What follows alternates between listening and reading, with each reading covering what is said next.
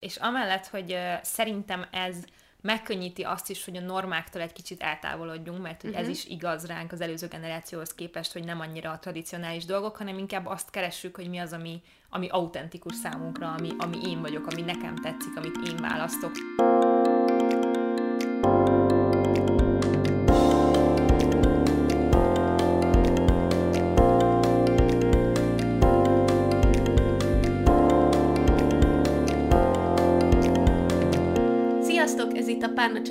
Legújabb epizódja, én Viki vagyok. Én pedig Julcsi. És a mai epizódban egy olyan témáról fogunk beszélgetni, amit szerintem már évadok óta tervezgetünk, mert nagyon-nagyon érdekel minket, és érintettek vagyunk benne mi, és valószínűleg, ha hallgatjátok ezt a podcastet, akkor többnyire ti is. A, a nagy részete. A nagy részete. Azért ne felejtsük el, hogy vannak 60 év feletti hallgatói. Igen. Á, imádom. Nagyon szeretünk titeket, szóval nyilván a címből is tudjátok, de a milleniál generációról fogunk ma beszélgetni. Több különböző szempontból is, nyilván mivel mi is azok vagyunk, ezért megpróbálunk állást foglalni olyan kérdésekben, hogy például mik azok a dolgok, ami miatt a társadalom szereti piszkálni ezt a generációt, és hogy ennek mi a, van-e alapja, mi lehet az oka, és hogy miért vagyunk olyanok, amilyenek, vagy egyáltalán olyanok vagyunk-e, amilyennek mondanak minket. Igen, szerintem, szerintem nagyon izgalmas lesz, de mielőtt belecsapunk, Júlcsi, hogy vagy? Nagyon jól vagyok, köszönöm. Ez egy, azt szerintem el kell mondanunk, de hogy másodszor vesszük fel ezt a mai epizódot, meg amúgy is kiírtunk a Facebook csoportba, hogy tudjátok, most ugye hétfő van, és amikor felvettük először, volt némi technikai uh, problémánk, és aznap én nagyon fáradt voltam, és nagyon sok minden történt a héten, most viszont túl vagyok egy pihenős hétvégén, amire nagyon nagy szükségem volt, és elképesztően jól esett, úgyhogy annak ellenére, hogy kifejezetten nem szeretem, amikor valamit kétszer kell újra csinálni, tök jól vagyok, mert hogy, hogy kipihentem magam tényleg, és, és ez egy jó téma, és, és szeretném, hogy egy jó epizód lenne belőle, és nem akartunk kirakni egy zajos, zörgős, furcsa hangminőségű epizódot, úgyhogy... Igen, én se szeretem hallgatni, ja. bár ettől független, ha ilyeneket hallotok, akkor az azért van, mert vakarom a lábam. Igen, most megint bekuckóztunk a, a kanapéra ide hozzánk, úgyhogy reméljük, hogy minden rendben lesz ilyen téren. Te Igen. hogy vagy, Viki? Um, én már második napja szívok a, az óra átállításra, vagyis nem szívok vele, mert az az igazság, hogy um, ugye nekem van fali órám is, meg van karórám is, amiket, amik nem olyan okosak, mint egy telefon, meg egy okos óra, hogy automatikusan átáll, szóval az ébresztőmmel nem volt probléma, viszont tegnap is mentem valahova reggel, ma is jöttem ide reggel, és a reggeli készülődés közben mindig a fali órát szoktam nézni. És mivel nem állítottam át, ezért egy ponton mindig rájöttem, hogy úristen, ne, el fogok késni, és akkor így begyorsítottam, és talán ránéztem a telefonomra, és jaj, nem, mégsem, és ilyen teljesen össze-vissza van tőle a fejem, viszont mind a két reggel úgy keltem, hogy tudtam, hogy már reggel van, szóval nekem nagyon sokat segít az órátállítás, hogy reggel már, már világos van, amikor, amikor fel kell kelnem, úgyhogy ez, ez szuper, illetve ma reggel belefutottam egy nagyon jó um, Twitter flame-be. Nem Ajaj. gondoltam volna, hogy buszkapaszkodóról lehet Twitter flame-et indítani, de, de igen, úgyhogy um, egy picit minimálisan én is, én is állást foglaltam, de... Um, És ez neked jól esik ilyenkor? Ez nekem jól esik, mert retweeteltem valakit, aki, aki adatokat közölt. Tehát, Aha. hogy igazából az volt a sztori, hogy, hogy férfiakra optimalizálnak mindent, például a kapaszkodót, és hogy nőknek nem terveznek kapaszkodót a buszon, és ezért természetesen egy csomóan kiakadtak, hogy miért rózsaszínnek kell lennie, és ez miért rá van írva, hogy nő, mit és így nem, hanem az átlagos testmagassága a nőknek alacsonyabb, és, és mm. átlagos férfire tervezik a, a kapaszkodókat, és én is szenvedek vele, szóval én 162 centi vagyok, és az egy átlagos női magasság, és um, egy csomó buszon nem érem el a kapaszkodót, és hogyha nincsen hely az oszlopnál kapaszkodni, és ott kell, akkor gyakorlatilag így csüngök lefelé, és him... jó, hogy nem himbálozok. A lábad nem ér le a földre. Ja, ja. Úgyhogy ezt elolvastam, de tök, tök jó volt látni, hogy voltak így így adatok szintjén, meg így, meg így objektíven reagált, és akkor azt így, azt így retweeteltem, hogy látjátok, nem kell itt a hisztéria, e- e- ezek a dolgok, pont a, a biztonsági tervezéséről uh-huh. volt szó. kevesebb, mint tíz éve terveznek azzal, hogy, hogy nőket hogy érint a biztonsági öv. Uh-huh. Na mindegy, szóval nagyon, nagyon érdekes volt, és ez pont tetszik is, mert reagáltak olyanok, akik nem csak azt írták, hogy ó, mikor még a nőknek. Mit akarunk még? Nem is tudom. Igen.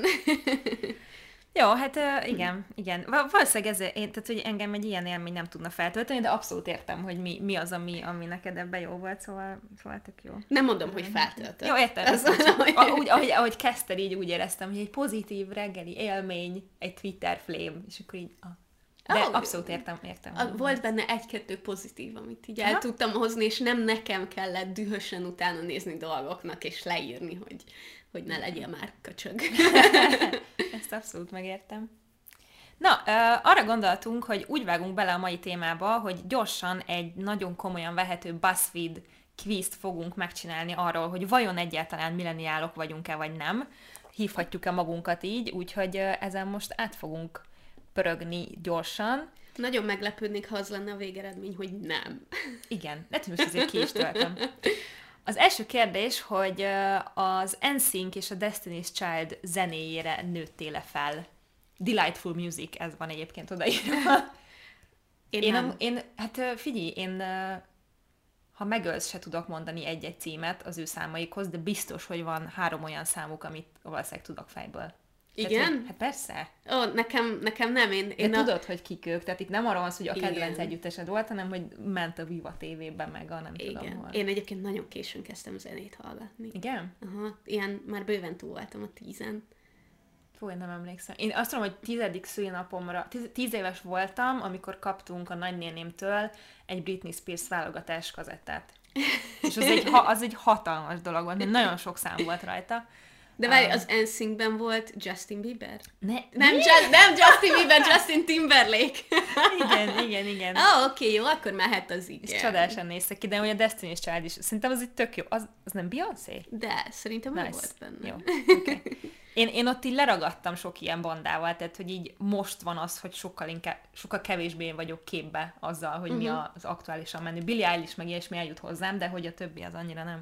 Csak mondom, hogy most jött ki Justin uh, Bieber. Egy új albuma, ezért, ezért uh, kevertem össze, mert idefelé azt hallgattam. Oh, nice. Nem tudtam, hogy ilyeneket hallgatsz. Én Billy Eilish-t amúgy nagyon bírom. És csak lekattintottam a legújabb uh, ah, a, a na, Spotify-on, Spotify-on rámentem, hogy mi az, ami új. Jó.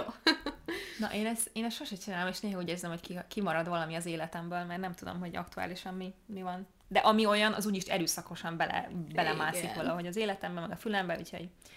A következő kérdés, hogy készítettél-e valaha barátság karkötőt, vagy bokaláncot a legjobb barátnőiddel? végtelen mennyiség. Te is? Persze, na ne. És így nagyon vicces, hogy ez ilyen arról szólt, hogy, hogy most akkor ezt örökre hordjuk majd, és, és jaj, de klassz, és így egy hétig nagyjából, és azt mindenki így elfelejtettem, mert hogy annyi féle volt, meg általában ezek ilyen kis gagyi fonott, vagy ilyen gyöngyel Csomózó. csinált. Na, mi nem, mi nem, mi csináltuk ezt a, hogy, hogy hívták azt?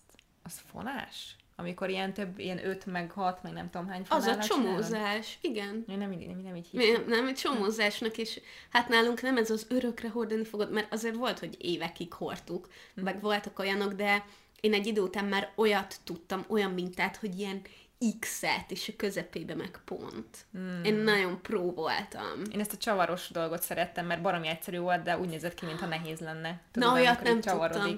Hát igaz, Igen. nagyon könnyű azt téma. Azt még a manapság is szoktam néha olyat játszani. Meg a gyöngyfűzés az nagyon nagy szám volt. Igen. Azt csináltuk sokat. Igen. Volt egy könyvünk is, amiben ami nem ilyen ékszer gyöngyfűző, volt egy ékszeres gyöngyfűzős, de tudod, ezek az állatok. Igen, meg a karácsonyfadíszek. Karácsonyfadísz, az nem volt. Az volt. Én, én nagyon próbáltam abban is. Nice, nice. Annyira jó elfoglaltság volt szerintem. Na jó, nyomok egy igent, nyilván. A következő kérdés, hogy valaha részt vettél-e egy Harry Potter könyv vagy film uh, premiéren? Igen, oda éjféli premier van írva, de nálunk Igen, akkor nálunk még nem jött nem be volt. szerintem az éjféli premier, és Meg később is volt. Sőt, Star Wars premiéren is az egyik első mozi élményem. Az, a, wow. az, a, az, az, az az előzmény trilógia első része volt. Úgyhogy, de pláne úgy voltam Harry Potteren, hogy én már előtte olvastam a Harry Pottert, mm. szóval én, én nagyon hipster Harry Potter szerető Igen, vagyok. de a könyvekkel is az volt, hogy azt nem tudom, hogy itthon a könyvesboltba hogy kerültek be, de hogy ugye kint ott sátraztak a könyvesbolt előtt, meg mit tudom én, Igen, az emberek. igen. Azt nem tudom, hogy itthon hogy volt. Mi, az biztos, hogy mi is megkaptuk. Az va, va, nem is tudom, úgy emlékszem, hogy karácsonyokra kaptuk a könyveket, és ugye annál egy kicsit hamarabb ősszel jelentek meg, vagy Nem valahogy így, és az, az utolsó könyv, hú, hát ez nem tudom, hogy kínos, vagy vicces, vagy menő utólag, de hogy mi azt szabad fordításban olvastuk el a hetedik könyvet, borzalmas volt. De annyi, mert annyira kíváncsiak voltunk Aha. rá, tudod, és később jött a, a, a rendes fordítás, meg a könyv, hogy így azt olvastuk el, és nagyon rossz volt. Én, én a hetediket már angolul olvastam el először, tehát én ott már nem, már nem bírtam Menő. eh, Én kiverni. akkor még nem tudtam annyira angolul szerintem. Én szerintem volt voltam annyira elvetemült, hogy hát nem tudom. Az már nagyon régóta, meg akkor azért így fura volt, mert hogy a filmeket is magyarul néztük, és ugye ott sok minden más, hogy hívják Mhm. a karaktereket, meg mit tudom Igen, én, szóval igen. más, más élmény. Én viszont még sosem olvastam angolul a könyveket, mert a filmeket nyilván angolul nézem azóta minden évben legalább Mhm. uh-huh. egyszer, de pont most gondolkoztam, hogy elkezdeném újra, mert hazahoztam a otthonról, hazahoztam a, a, a Harry Potter könyveinket, bár kettő nincs meg, és nem tudom kinél van. Szégyen gyalázat, de majd tőled max kölcsön kérem, ha, od, ha odaadod. Nem Em, tudom, mert nagyon vigyázol rájuk, tudom. kell. Na. Tegnap a szüleimnél voltam, és ott volt a nagymamám is, és jó nagymama létére egy kis pénzt csúsztatott a zsebembe, és um, úgy Megvettél voltam... egy újabb kiadást a Harry Potterekből? Igen. Mi van? Úgy voltam vele, ké- képzeld el, hogy az egyiket, amit kinéztem, azt már szülinapomra néztem ki, ami márciusban volt, és azóta tologattam, hogy megvegyem magamnak. Úgyhogy most az e- kettő van abból a kiadásból, mind a kettőt megrendeltem. És nyilván Mert a teljes pénzt. sorozatot? Nem, még csak az első kettő jött ki, Ja. mert ez egy nagyon hiper extra illusztrált, zseniális uh, kiadás. Egyébként Fruzsi uh, is tudja, valaki mondta nekem, hogy Fruzsinak még videójában is volt. Én előbb fedeztem fel magamnak. Az, amikor így kinyitod, és így kijön belőle a dolog? nem, Ja? nem, nem de nagyon szép, nála. majd, majd meg fogom mutatni, ha átjössz. Azt nem biztos, hogy kölcsön adom. Meg, absz- megértem, abszolút. Nekem csak az első rész nincs meg, meg a harmadik könyvben. Igen. Nekem ugye két sorozat is megvan, az eredeti kiadás, meg az új kiadás, és ebből is, ez meg már angolul van, és meg lesz belőle kettő. Nice. Jó, amúgy lehet, hogy angolul kéne, a... nem tudom, nem mindegy, majd meglátjuk. Szóval igen, kis, kis Harry Potter rajongás van a levegőben, de szerintem ez teljesen egyértelmű. A következő kérdés, uh, volt-e valaha olyan, hogy hogy hívják ezeket a, hát nálunk leginkább ilyen media markt, meg ilyen Igen. mi az, műszaki Akkor, áruház? Igen, mert akkor még a könyvesboltokban nem volt. Igen, szóval az lesz a kérdés, hogy hallgattál-e így fülhallgatóval, CD-n uh, zenét ezekben a boltokban, amit ők zene, zeneboltnak hívnak, és nyilván volt nálunk is egy-kettő, de hogy mi inkább ilyen helyekre mentünk, amik Igen. ilyen műszaki cikk uh, áruházak voltak, és hát nyilván, nyilván. Ja. Igen, én im- imádtam levenni, és ugye mindegyikben más szólt, uh-huh. és ilyen nagyon hiper-szuper fejhallgatók voltak kirakva, legalábbis én akkor úgy gondoltam.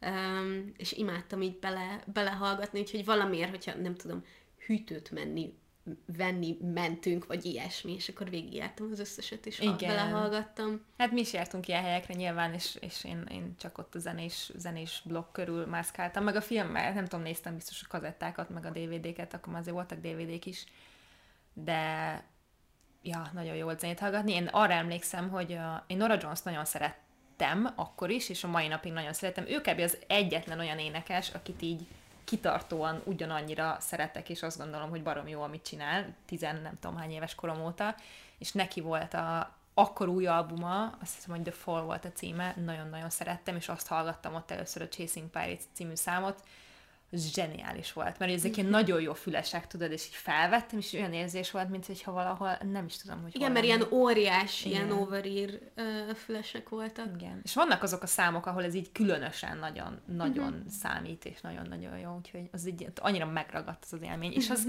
az is már sokkal régebben volt, mint szeretném bevallani, hogy emlékszem, hogy mikor pedig az még egy újabb albuma, bár azóta is van neki új eszem.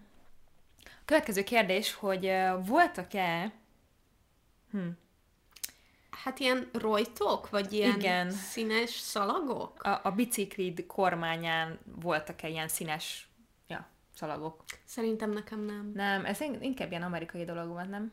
Vagy nem tudom. Tehát már önmagában a bicikli az egy tök jó dolog volt, uh-huh. hogy volt. Írtál-e filctollal VHS kazettára valaha?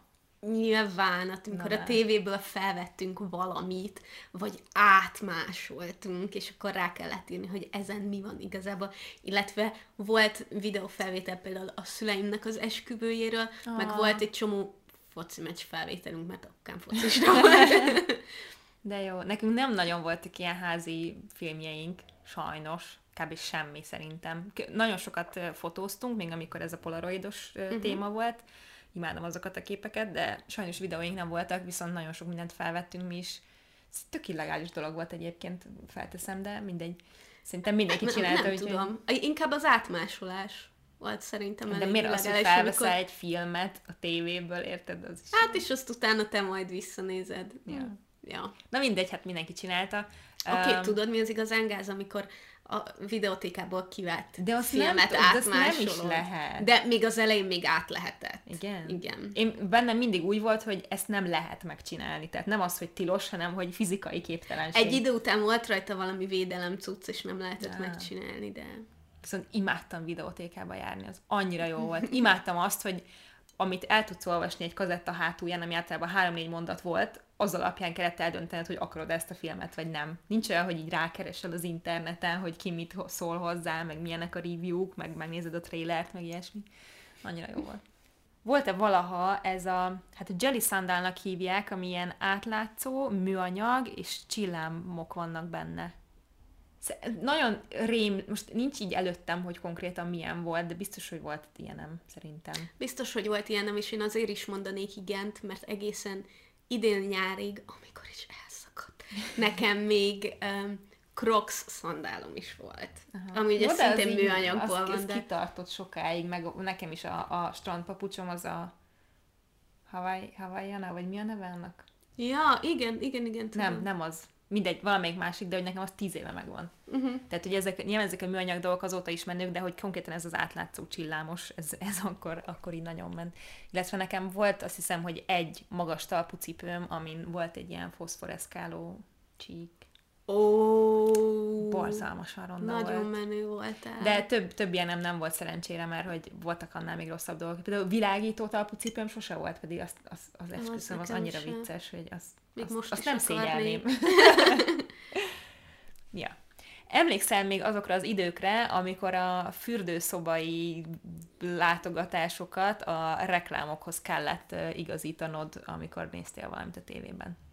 Igen. Of course. Igen.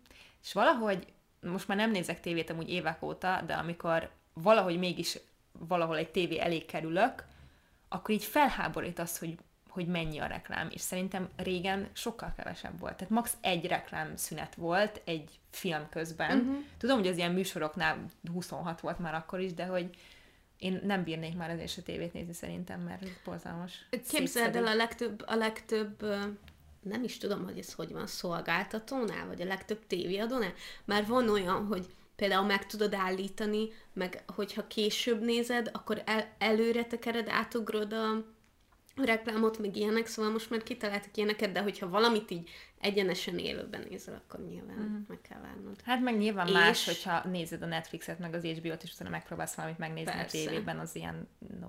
Persze, és ráadásul most már olyanok a reklámok is, hogy ha át akarsz váltani egy másik csatornán, mindenhol egyszerre van reklám. Kedves, hogy ezt legalább ebben összebeszélnek, nem? A következő a kedvenc kérdésem, és erről már beszéltünk a nosztalgiázós részben is, de hogy gondoltad-e valaha azt, hogy a cukorka nyakláncok azok a divatnak így a, a, a leg... A top. A, a topja, igen. Természetesen. Amúgy, amúgy ezt nem gondoltam, de imádtam őket. Igen. Bár inkább, inkább a, a karkötő volt meg, Azt meg az óra. volt enni. Ja. És még csak nem is volt finom egyébként. Dehogy nem. Cukoríze, cukoríze volt, volt, de semmi Én szeretem a cukorízét. ja, Istenem, de imádtam azokat, és órán ettük, érted? Annyira undorító, hogy így ráksz a kezeden valamit, és tiszta nyál lesz tőle minden. Na, az a válasz, hogy kétségtelenül milleniálok vagyunk, úgyhogy szerintem, yeah! szerintem beszélgethetünk erről a témáról továbbiakban. Viki, elmondod, definiálsz minket egy picit, hogy kik vagyunk, és miért? Definiáljam magunkat. Akiket igazából milleniálnak hívnak, azok az 1980-tól 1990-es évek közepéig születettek, és ez az Y generáció, szóval sokan így Sokan azt hiszik, hogy a kettő külön, de nem, az Y generáció a milleniál, mert ugye mi éltük meg így a, így a, a millennium váltást, és akik előttünk voltak, az az X generáció, az a legtöbbször a szüleink, uh-huh. és, és akinek idősebb szülei vannak, vagy a nagyszüleink, ők pedig már a boomerbe tartoznak. De valami... a boomerre is van egy szebb kifejezés, nem? Vagy ők boomerek is kész? Baby boomer. De nem ilyen betű. Azt nem Nincs. tudom, azt nem szoktam figyelni. Ja. Csak boomerek. Gondolom, hogy van mindenkinek, mert a milleniális csak egy becenév, nem az igen. És ugye akik pedig utánunk születtek, azok pedig a, a Z generációsok, és alapvetően ezt úgy számolják, nálunk talán egy kicsit el van tolódva, de az Y generációt azt alapvetően az alapján definiálják, hogy mi vagyunk azok, akik még az analóg világba születtek, de már digitálisban nőttek fel. Szóval mi vagyunk azok, akik nagyjából ilyen, nem tudom, ötödikes korukba, vagy, vagy szóval, hogy kisiskolásként, vagy fiatal tinédzserként találkoztunk a, az internettel, akkor lett számítógépünk, szóval még toltuk a csatogós pillangót, de most pedig már mindent a telefonunkon csinálunk, és mi vagyunk azok, akiknek így bele kellett nőnie ebbe, és mi vagyunk azok, akiknek általában a szüleinket már tanítani kellett uh-huh. erre, viszont az Z-generáció pedig azok, akik már úgy születtek, hogy már azonnal, azonnal ezekkel a dolgokkal, igen, igen, és nem pedig, ők belenőttek, nem pedig bele kellett tanulniuk, mint nekünk. Igen, tehát gyakorlatilag e- egyrészt az ugye azt jelenti, hogy elképesztő változáson ment keresztül a világ a mi életünk során, és nyilván ennek is van egy csomó hatása, akár a személyiségünkre, meg arra, hogy hogy látjuk a világot, meg az, hogy egész más, hogy tekintünk az internetre akár, mint az előttünk lévő generáció és az utánunk lévő generáció, mert nagyon más, hogy éltük meg más életkorban, máshogy adaptálódtunk az egészhez, és azért nyilván a, tehát az internet az egy annyira komoly változást hozott a világba, hogy, hogy ezt nem lehet nem, hogy ez, hogy, hogy ez nem működik úgy, hogy nem tükröződik ez egy generáción, hogy, hogy, hogy ez mit váltott ki belőlünk. Igen, én, én például én voltam az első olyan évfolyam az egyetemen, akinél bevezették a, az elektronikus indexet. Oh. Szóval, hogy, hogy mi még mi még papíron jelentkeztünk középiskolába, uh-huh. de a, az egyetemen már csak digitálisan adták a jegyeket, meg... meg Igen, én ugye annyi, hogy, hogy egyidősek vagyunk, de én két évvel később kezdtem az egyetemet, és akkor nekünk már az digitális volt, uh-huh. viszont én, én is papíron jelentkeztem. Úgyhogy, uh-huh. ja. Hát meg én, nem, én azt hiszem, hogy tíz éves voltam, amikor számítógépünk lett, de akkor még nem volt internet, szóval most meg így el sem tudok képzelni egy számítógépet internet nélkül, mit csinálsz rajta, érted? Igen, igen nem is értem, nem is értem. De ami, ami, amiben nekem, vagy szerintem nagyon látszott ez a gyors változás, és nyilván az attól is, hogy mondjuk Magyarországon nőttünk fel, és itt azért később jöttek be dolgok, meg biztos van, ami hamarabb bejött így ahhoz képest, de hogy, hogy a zenehallgatás, tehát hogy uh-huh. mi, mi azért nyilván walkman kezdtük meg, a kazettás magnóra vettük fel a, a zenéket a, a rádióból, amit kértünk SMS-ben, amit az újság hátuljában láttunk meg az MM. Szóval, hogy így ez mindig megvolt, de aztán utána egy-két év múlva már lett diszkmenem, és aztán ahhoz képest egy-két év múlva legalábbis tökre ez az érzésem, tehát ez mindig a kamaszkoromban volt, lett MP3 lejátszom, uh-huh. amit használtam hát nem tudom mennyi évig, mert borzalmas a memóriám, de az MP3 lejátszó után meg viszonylag gyorsan jött a telefon, ami lehetett zenét hallgatni. Nekem szóval, volt hogy... iPodom. iPod, na nekem az iPodom volt. De az igen. mi a, a Hát az, az MP3, MP3 lejátszó, lejátszó igen, igen, igen, igen, igen. Tehát az, hogy négy különböző dolgon hallgattál zenét uh-huh. viszonylag közel egymáshoz, ebben nekem annyira látszik, hogy így mennyire gyors volt ez a fajta fejlődés, és azóta meg nyilván megálltunk a telefonnál, szóval, hogy meg igen, megyünk igen, vissza a lemezlejátszókhoz, hogy... meg ilyesmi, de az más kérdés. igen, hogy, hogy én még emlékszem, hogy először úgy hallgattam zenét, hogy a, hogy a kazettán, és most pedig már az, hogy milyen új zene van, az idefelé a buszon felmegyek a Spotify-on, hogy mi az, ami új és megjelent, és akkor berakom. És, és ezek ilyen, ilyen hatalmas nagy változások így a, így a mindennapi életet figyelembe véve. Egyébként így összeszedtem, megnéztem, hogy mik azok kb azok a dolgok, amikben így nagyon különbözünk az előttünk lévőktől, meg valószínűleg az utánunk következőtől is, bár ugye nyilván ők, ők még csak most 20 év körüliek, szóval ők még, ők még ebbe benne vannak, de hogy az egyik ilyen például az, hogy milyen szellemben neveltek minket, és ez azért nagyon meghatározza így a, a, az elveinket, meg, meg hát a személyiségünket, meg a mindennapjainkat, hogy valójában a bumerek voltak azok, akik, meg hát akik így megélték a, a második világháborút, akik igazából abba nevelkedtek, hogy legyen kenyér az asztalon, meg éljük túl ezt az egészet. Tehát, hogy nekik, nekik a kihívás az igazából az volt, hogy túléljenek és, és ezután pedig nyilván Magyarországon megjött a rendszerváltás, és nekem például a szüleim már, már megélték a, a rendszerváltást, ja, mármint, hogy majdnem én is megéltem. Uh-huh. De hogy, hogy az ő generációk már az volt, akik ugye túl voltak így a, így a háborún, és azt tanulták a szüleiktől, hogy, hogy húzd meg magad, um, um, dolgozz, és akkor lesz egy, lesz egy biztos életed, és, és hogy így ennyi, vagy nem tudom. Szóval, hogy nem, nem voltak ilyen törekvők, hanem, hanem azt, azt tanulták, hogy, hogy hát válasz egy munkát, és akkor, hogyha ügyes vagy, akkor lehet belőle megélhetésed, lehet családod, és akkor így viszonlátás. Nem, és nem voltak képes... annyira ilyen egyénközpontúak, nem? Igen, igen, igen, pláne, pláne itthon a kommunizmus során. De ők, mivel sokkal többet elértek annál, mint amire számítottak, emiatt, tehát hogy sokkal inkább több lett a vállalkozó, több lett a lehetőség, emiatt ők már abban a hiszemben neveltek minket, hogy belőlünk bármi lehet, és mi bármit elérhetünk, mert ők sokkal többet értek el, mint számítottak rá, hogy el fognak érni. És ezért egy ilyen nagyon nagy, hát nem akarom mondani, hogy hibája, mert nyilván ez nem erről szól, hogy bárkit hibáztassunk, de hogy mi mindannyian, legalábbis én ezt tapasztaltam, és nagy általánosságban elmondható, hogy, hogy azt tanultuk, hogy mi különlegesek vagyunk, és mi bármire képesek vagyunk, és hogyha valamit elhatározunk, akkor az sikerülni fog, és bármi lehet belőlünk.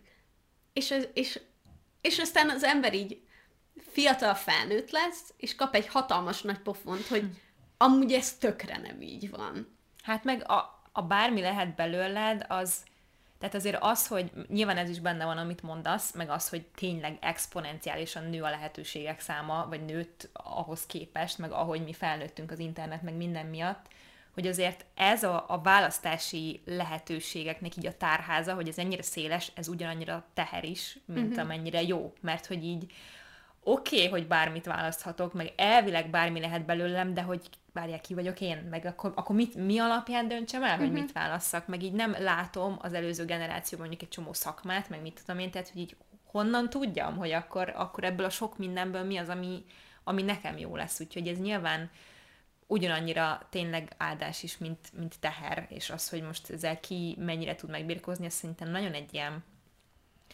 nem tudom, egy ilyen, ilyen esetleges dolog. Uh-huh. Tehát, hogy, hogy az is, hogy így emlékszem, hogy meg így azóta is beszéltünk már erről sokat, hogy volt, aki már a gimiben azt mondta, hogy na, én közgazdász leszek, én meg ügyvéd leszek, én meg nem tudom, és így tudta, hogy mi lesz, és így ment arra. Én meg így álltam ott 18 évesen, hogy halvány fogalmam sincs, hogy mi akarok lenni. Tudom, hogy mi érdekel, de hogy abból így mi, meg hogyan, és én nem bánom, hogy ez így alakult, mert így megoldottam, és kipróbáltam többféle dolgot, és nyilván láttam azt is, hogy aki meg azt tudta már 15 évesen, hogy ügyvéd akar lenni, az elvégezte a jogi egyetemet, és most festő, vagy nem tudom. Tehát, hogy tudod, ez a... Ez a Igen.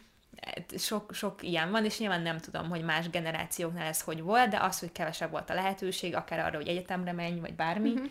az valahol segített a döntésben. Igen, szóval... egészen más, hogy azt mondják, hogy itt van öt dolog, és ebből válasz valamit, és dolgozz érte, hogy az lehess, vagy azt mondják, hogy bármi lehet, ahol azt a feladatot is megkapod, hogy megkerest, hogy mi az a bármi, és emiatt a hatalmas fejlődés miatt nyilván az internet az annyi hmm. új munkát teremtett, annyi új fajta szakmát, hogy ezt igazából igazából ezek azok akkor alakultak, amikor mi elkezdtünk dolgozni. Igen. És hogy nagyon nehéz, hogy eldöntsd, hogy mit csinálj, amikor azok a dolgok most születnek, tehát hogy nem látod magad előtt a lehetőségeket, csak azt, hogy bármi lehet, de hogy a, a, a bármi az, Meg az hogyan, valami nem? lehetsz azok közül, amik közül választasz. Igen, igen. Meg hogy hogy jutsz el oda, tehát a mai napig nem tudom, hogy, hogy például az ilyen, hogy hívják ezt a pálya, Tanácsadó. igen, Pályaválasztás- pályaválasztási tanácsadó. tanácsadó. Tehát, hogy ott például láttam már kísérleteket erre, de most az, hogy én éppen mit látok, az nem azt jelenti, hogy mi az, mi az általános trend,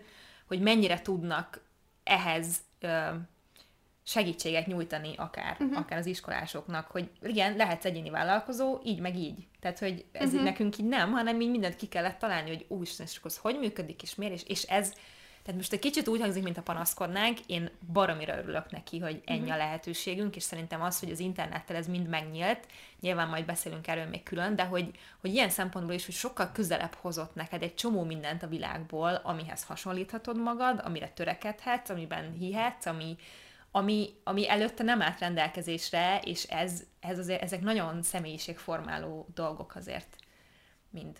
Igen, én egyébként emlékszem arra, hogy um, voltak olyan fiatalabb ismerőseim, akik már a szakdolgozatokat mondjuk kommunikációs szakon, így a youtuberekből, influencerekből akarták írni, és még emlékszem arra, amikor a tanár visszadobta, hogy ez, hogy ez, nem, hogy ez nem téma, meg, meg, meg hogy ez nem érdekes, meg, meg erről nem lehet szakdolgát írni, és most meg már mindenki erről ír, és néhány év leforgása alatt. Yeah. Nem tudom megszámolni két kezemmel, hogy az elmúlt pár évben hányan kerestek meg azzal, hogy légy töltsd ki ezt a kérdőívet a szakdolgozatomhoz, mert erről írok én igen, is. Igen, De hát nyilván ez, ez van, tehát hogy így vannak dolgok, amiket lassabban, nehezebben fogad el a társadalom szerintem, főleg egy előző generáció mondjuk, de hogy előbb-utóbb meg fog történni, és muszáj igazodni ahhoz, ami történik, még akkor is, hogyha nem akarsz, tehát hogy ez, ez így működik.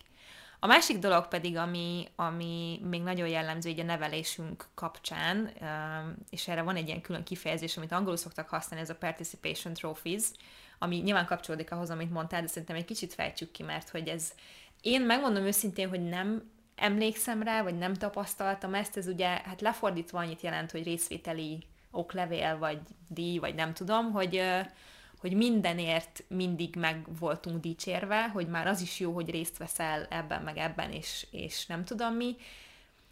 Én ezt annyira nem látom rossz dolognak, viszont te a múltkori részben meséltél róla, hogy te miért élted meg ezt rosszul, úgyhogy ezt mindenképp mondd el, mert szerintem ez fontos nézőpont. Én ugye sokat jártam versenyekre, főleg zenei versenyekre, és már ott is tök fura volt, és én egy kicsit ezt átéltem, hogy, hogy tök jó, amikor mondjuk el, elmentem mondjuk egy matek versenyre, ahol 113 lettem, és, és kaptam egy emléklapot, hogy ott voltam és megcsináltam, ez így tök jól hangzik, de, de valójában, hogyha igazi, nem mintha az nem lenni igazi verseny, de ahol hát nem tudom, de nekem más. Olyan, olyan versenyeken, ahol így, um, nem tudom, relatíve úgy indultam, hogy volt esélyem nyerni, nem pedig egy matek verseny, ahol 113 lettem. A zenei versenyeken például szinte mindig úgy volt, hogy lehetett nyerni aranyérmet, ezüstérmet és bronzérmet, és ezen kívül meg sima oklevelet.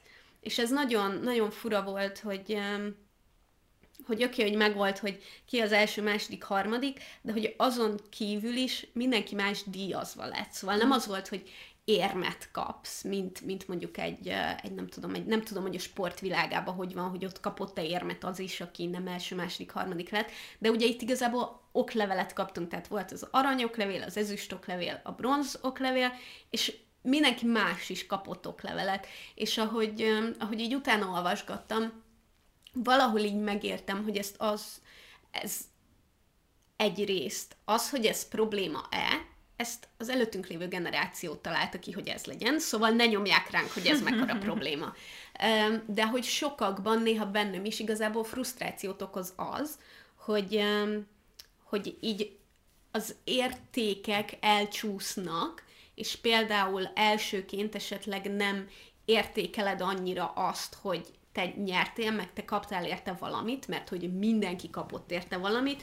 Utolsóként pedig az, hogy én tudom, hogy utolsó vagyok, és én tudom, hogy, hogy nem értem el maradandó eredményt, de mégis kapok valamit? Ezt így sajnálatból kapom? Vagy miért van az, hogy mindenki kap valamit? Uh-huh. És, és ahogy erről olvasgattam, elég sokan így éreznek, meg így éreztek ezekkel kapcsolatban, úgyhogy szerintem ez a, ez a részvételi emléklap, meg, meg participation trophy, ami nyilván az amerikaiaknál, ami, ami jobban elterjedt, ez nem én megértem, hogy miért mondjuk most, hogy ez nem feltétlenül egy jó dolog, de hogy közben azt se felejtsük el, hogy az előttünk lévők találták ki, hogy mindannyian kapjunk, azért, hogy mindenki úgy érezze, hogy már az is teljesítmény, hogy egyáltalán elindult, holott, amikor egy versenyen 113. leszel, akkor legyünk őszinték, nem ez dicséretet azért, hogy egyáltalán elindultál, mert jéj, elmentél, kitöltötted, közel sem voltál ahhoz, hogy nem tudom, tovább juss valami döntőbe, vagy, vagy bárki emlékezzen a nevedre. És én ezzel, ezzel kapcsolatban sokszor, sokszor így érzek. Nem tudom, én, én nem vettem részt annyi versenyen, hogy erről így véleményem legyen, meg most, tehát én ezt meg tudnám úgy magyarázni, hogy Szerintem tök jó az, hogy belevágsz valamibe, akkor is, hogy nem leszel benne a legjobb. Nekem ez egy ilyen általános filozófiám, de hogy ez, ez nem muszáj ennyire összekötni ezzel. Én annyi, arról olvastam, hogy ennek a jelenségnek viszont vannak, vagy voltak ramifikációi azzal kapcsolatban, hogy később mondjuk egy munkahelyen hogy viselkedik uh-huh. egy, egy olyan milleniál, aki nagyon sok ilyen participation trophy kapott, és hogy ettől ilyen, jaj, bocsánat, de hogy entitled, tehát hogy ilyen ön, erre nincs egy jó magyar szó, de hogy ilyen önelégült, meg aki így azt mondja, hogy, hogy, hogy én már pedig megérdemlem, uh-huh. és nekem jogom van hozzá, és én fel, itt vagyok, úgyhogy nekem adjatok mindent, de hogy közben meg részben ez a fajta viselkedés, ha nincs eltúlozva, akkor ezt hívják önérvényesítésnek szerintem, uh-huh. ami egy jó dolog, és nyilván olyasmi, amiben különbözünk az előző generációtól többnyire, tehát ez embere válogatja, de hogy azért a tendencia ezt mutatja, Nyilván lehet ennek egy ilyen nagyon negatív uh, eltolódása is, amikor az ember tényleg azt mondja, hogy én már pedig mindent megérdemlek, csak azért, mert nem tudom.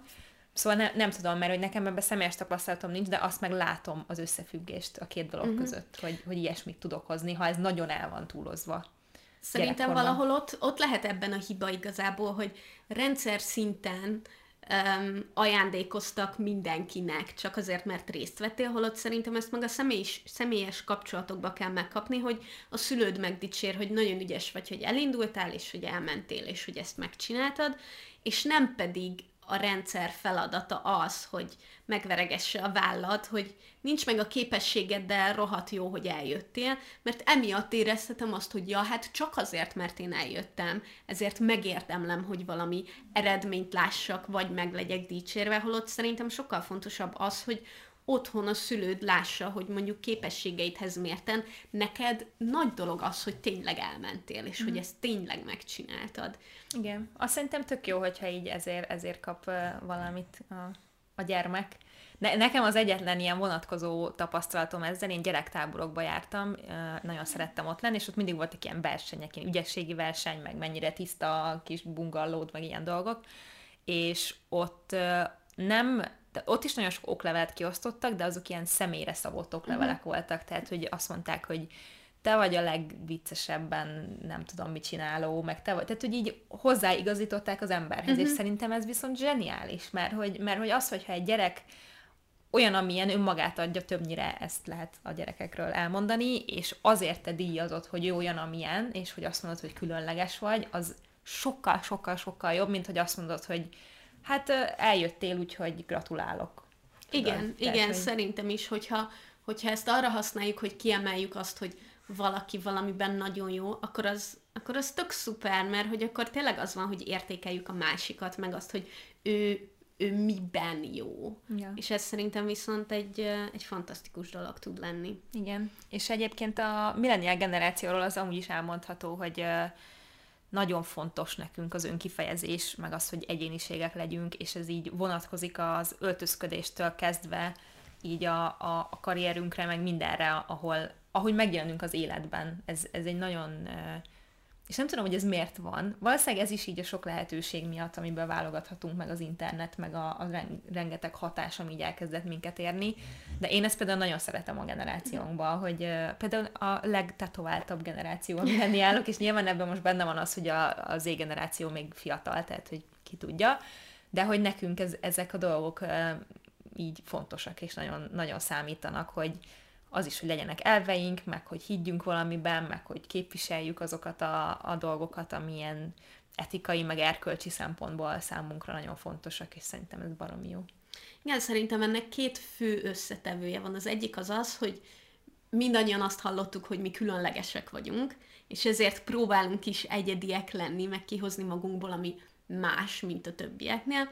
A másik része pedig tényleg az, hogy az internet kinyílt, az, vagyis hogy az internettel a világ kinyílt, hogy gyakorlatilag annyi lehetőséget látunk magunk előtt, akár tényleg öltözködést, hobbit, ilyesmit tekintve, hogy, hogy nagyon, nagyon könnyű ezek miatt így sokfélének lenni. Uh-huh. És pláne ez pedig, hogy ilyen ügyekkel nagyon tudunk azonosulni, ez is abból ered, hogy hogy nagyon sok emberrel tudunk kapcsolódni. Szóval egészen eddig az volt, hogy a környezetedbe, az iskoládba, a, a nem tudom, a városodba, a szomszédaiddal, ezekkel az emberekkel voltál egy közösségbe. Viszont, hogyha te valamiben más vagy, mint ők, akkor most már te is megtalálhatod a saját közösségedet. Szóval nem tudom, milyen hülye példát használtam, hogyha te lila hajat szeretnél, de senki nem látsz lila hajat, akkor azt gondolhatod, hogy veled valami baj van, de lehet, hogy találsz egy olyan Facebook csoportot, amiben csak lila hajú emberek vannak, és emiatt már nem érzed azt, hogy veled valami baj lenne, hanem azt, hogy mások is vannak, akik ilyenek, és te is bátran mered miatt felvállalni azt, hogy te milyen vagy. Igen. És szerintem ez egy nagyon-nagyon jó hozadéka, hogy, hogy az interneten tudsz kapcsolódni ennyi különböző más emberrel, akivel meg tudod találni a közös pontot, Nyilván ennek vannak, tehát hogy ez egy nagyon nagy kérdés, hogy ezt mire használod, mert természetesen a nagyon szélsőséges emberek is megtalálják a saját, a saját közösségüket, ami nem feltétlenül jó.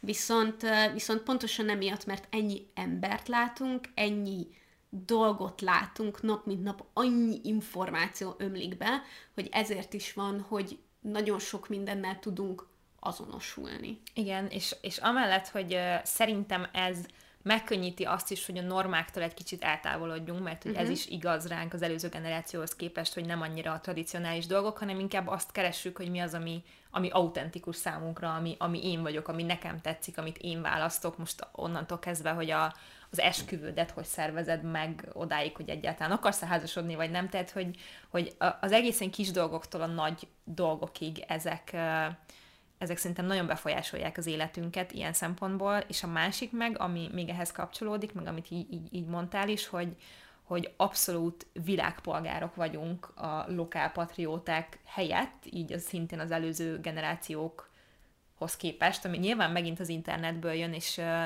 én ezt, én ezt nagyon-nagyon magaménak érzem, mert hogy, hogy uh, és, a, és tökre, ez olyasmi, amiben szerintem látszik a különbség, nyilván nem mindenkinél, megint csak emberre válogatja, de hogy amikor például egy esőerdő lángol, az hiába vagyok én itthon Magyarországon, és van az tőlem baromi messze, én tudom, hogy ez nekem is baj.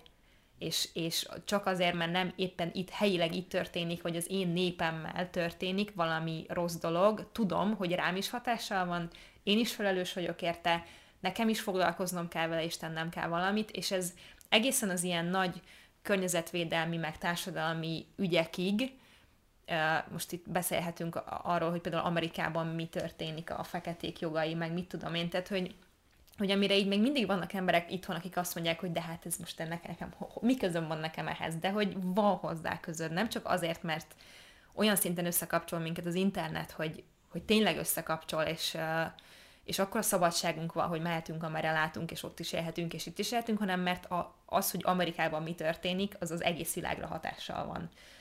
Pont azért, hogy a társadalom hogy alakul egy, egy ekkora országban, meg, meg ennyi emberrel, az nekünk is fontos, és nyilván ezzel jár egyfajta olyan felelősségtudat, meg bűntudat, meg mindenféle rossz dolog is, ami, ami nem annyira jó, de hogy most ez kiterjesztve így a kisebb dolgokra, ami most éppen aktuális, például a Halloween megint egy olyan dolog, ami szerintem, ha valaki Halloween-t akar ünnepelni Magyarországon, akkor csinálja, mert hogy miért ne? Hát ez egy tök fun dolog tud lenni, és nem értem az embereket, akik kiborulnak ezen. De hogy ez is, de hogy ez is egy ilyen tipikus ilyen dolog, hogy én, én nagyon sok éve már tudom azt, hogy mi a Halloween, láttam egy csomó filmet róla, én, én nem vagyok mondjuk egy Halloween őrül, de hogy tökre megértem, hogyha valakinek ez tetszik, és csinálni akarja, akkor csinálja. Tehát, hogy... De nálunk minden szentek van. És igen, és, és vannak emberek, gondolom többnyire az a generáció, aki nem nőtt fel ehhez ilyen közel, mm. meg nem, nem került ennyire közel ezekhez a, a külföldi hagyományokhoz, azt mondja, hogy de hát hülye vagy? Mennyi a temetőbe, azt mennyi hazozt kész. Igen, emiatt, hogy rengeteg tartalom ömlik ránk, például filmek, sorozatok, és nagyon sokat látunk ebből, hogy, hogy más helyeken mit csinálnak másképp. Mondjuk ez egy tök jó kérdés, hogy például nagyon sokat elgondolkodtam a Squid Game című sorozat kapcsán, hogy mégis én például mennyire be vagyok zárkózva így a, az észak-amerikai, meg, meg uh-huh. európai gondolkodásmódra, meg berendezkedésre. Hát ez a popkultúra, amit fogyasztasz igazából, igen, ezt határozza meg nagy részt. Igen, igen. De hogy ettől függetlenül ez, ez egy sokkal szélesebb kör, és sokkal tájékozottabb vagyok, nem csak filmekből, de hogy érted, felmegyek Twitterre, felmegyek Instagramra, és azonnal látom, hogy a világ másik felén mit csinálnak emberek. És az, hogy, hogy én tudom, hogy ott ezt hogy ünneplik, és nekem mondjuk tetszik, akkor miért ne vehetném át? Szóval, hogy, hogy pont, ez hogy... egy olyan jó dolog is, nem? Tehát, hogy érdeklődsz más kultúrák iránt. Igen. És most nyilván az amerikai kultúra iránt érdeklődni tűnik a legegyszerűbb dolognak, de hogyha a kínai új évet megnézed, és azt mondod, hogy ú, van egy ilyen recept, én ezt kipróbálom. Tehát, hogy nem értem, hogy ez miért lehet sértő valakinek, vagy miért, miért nem tudom. Szóval hogy ez a fajta kíváncsiság, meg érdeklődés nekem pont, hogy inkább pozitív dolog, mint hogy nem tudom.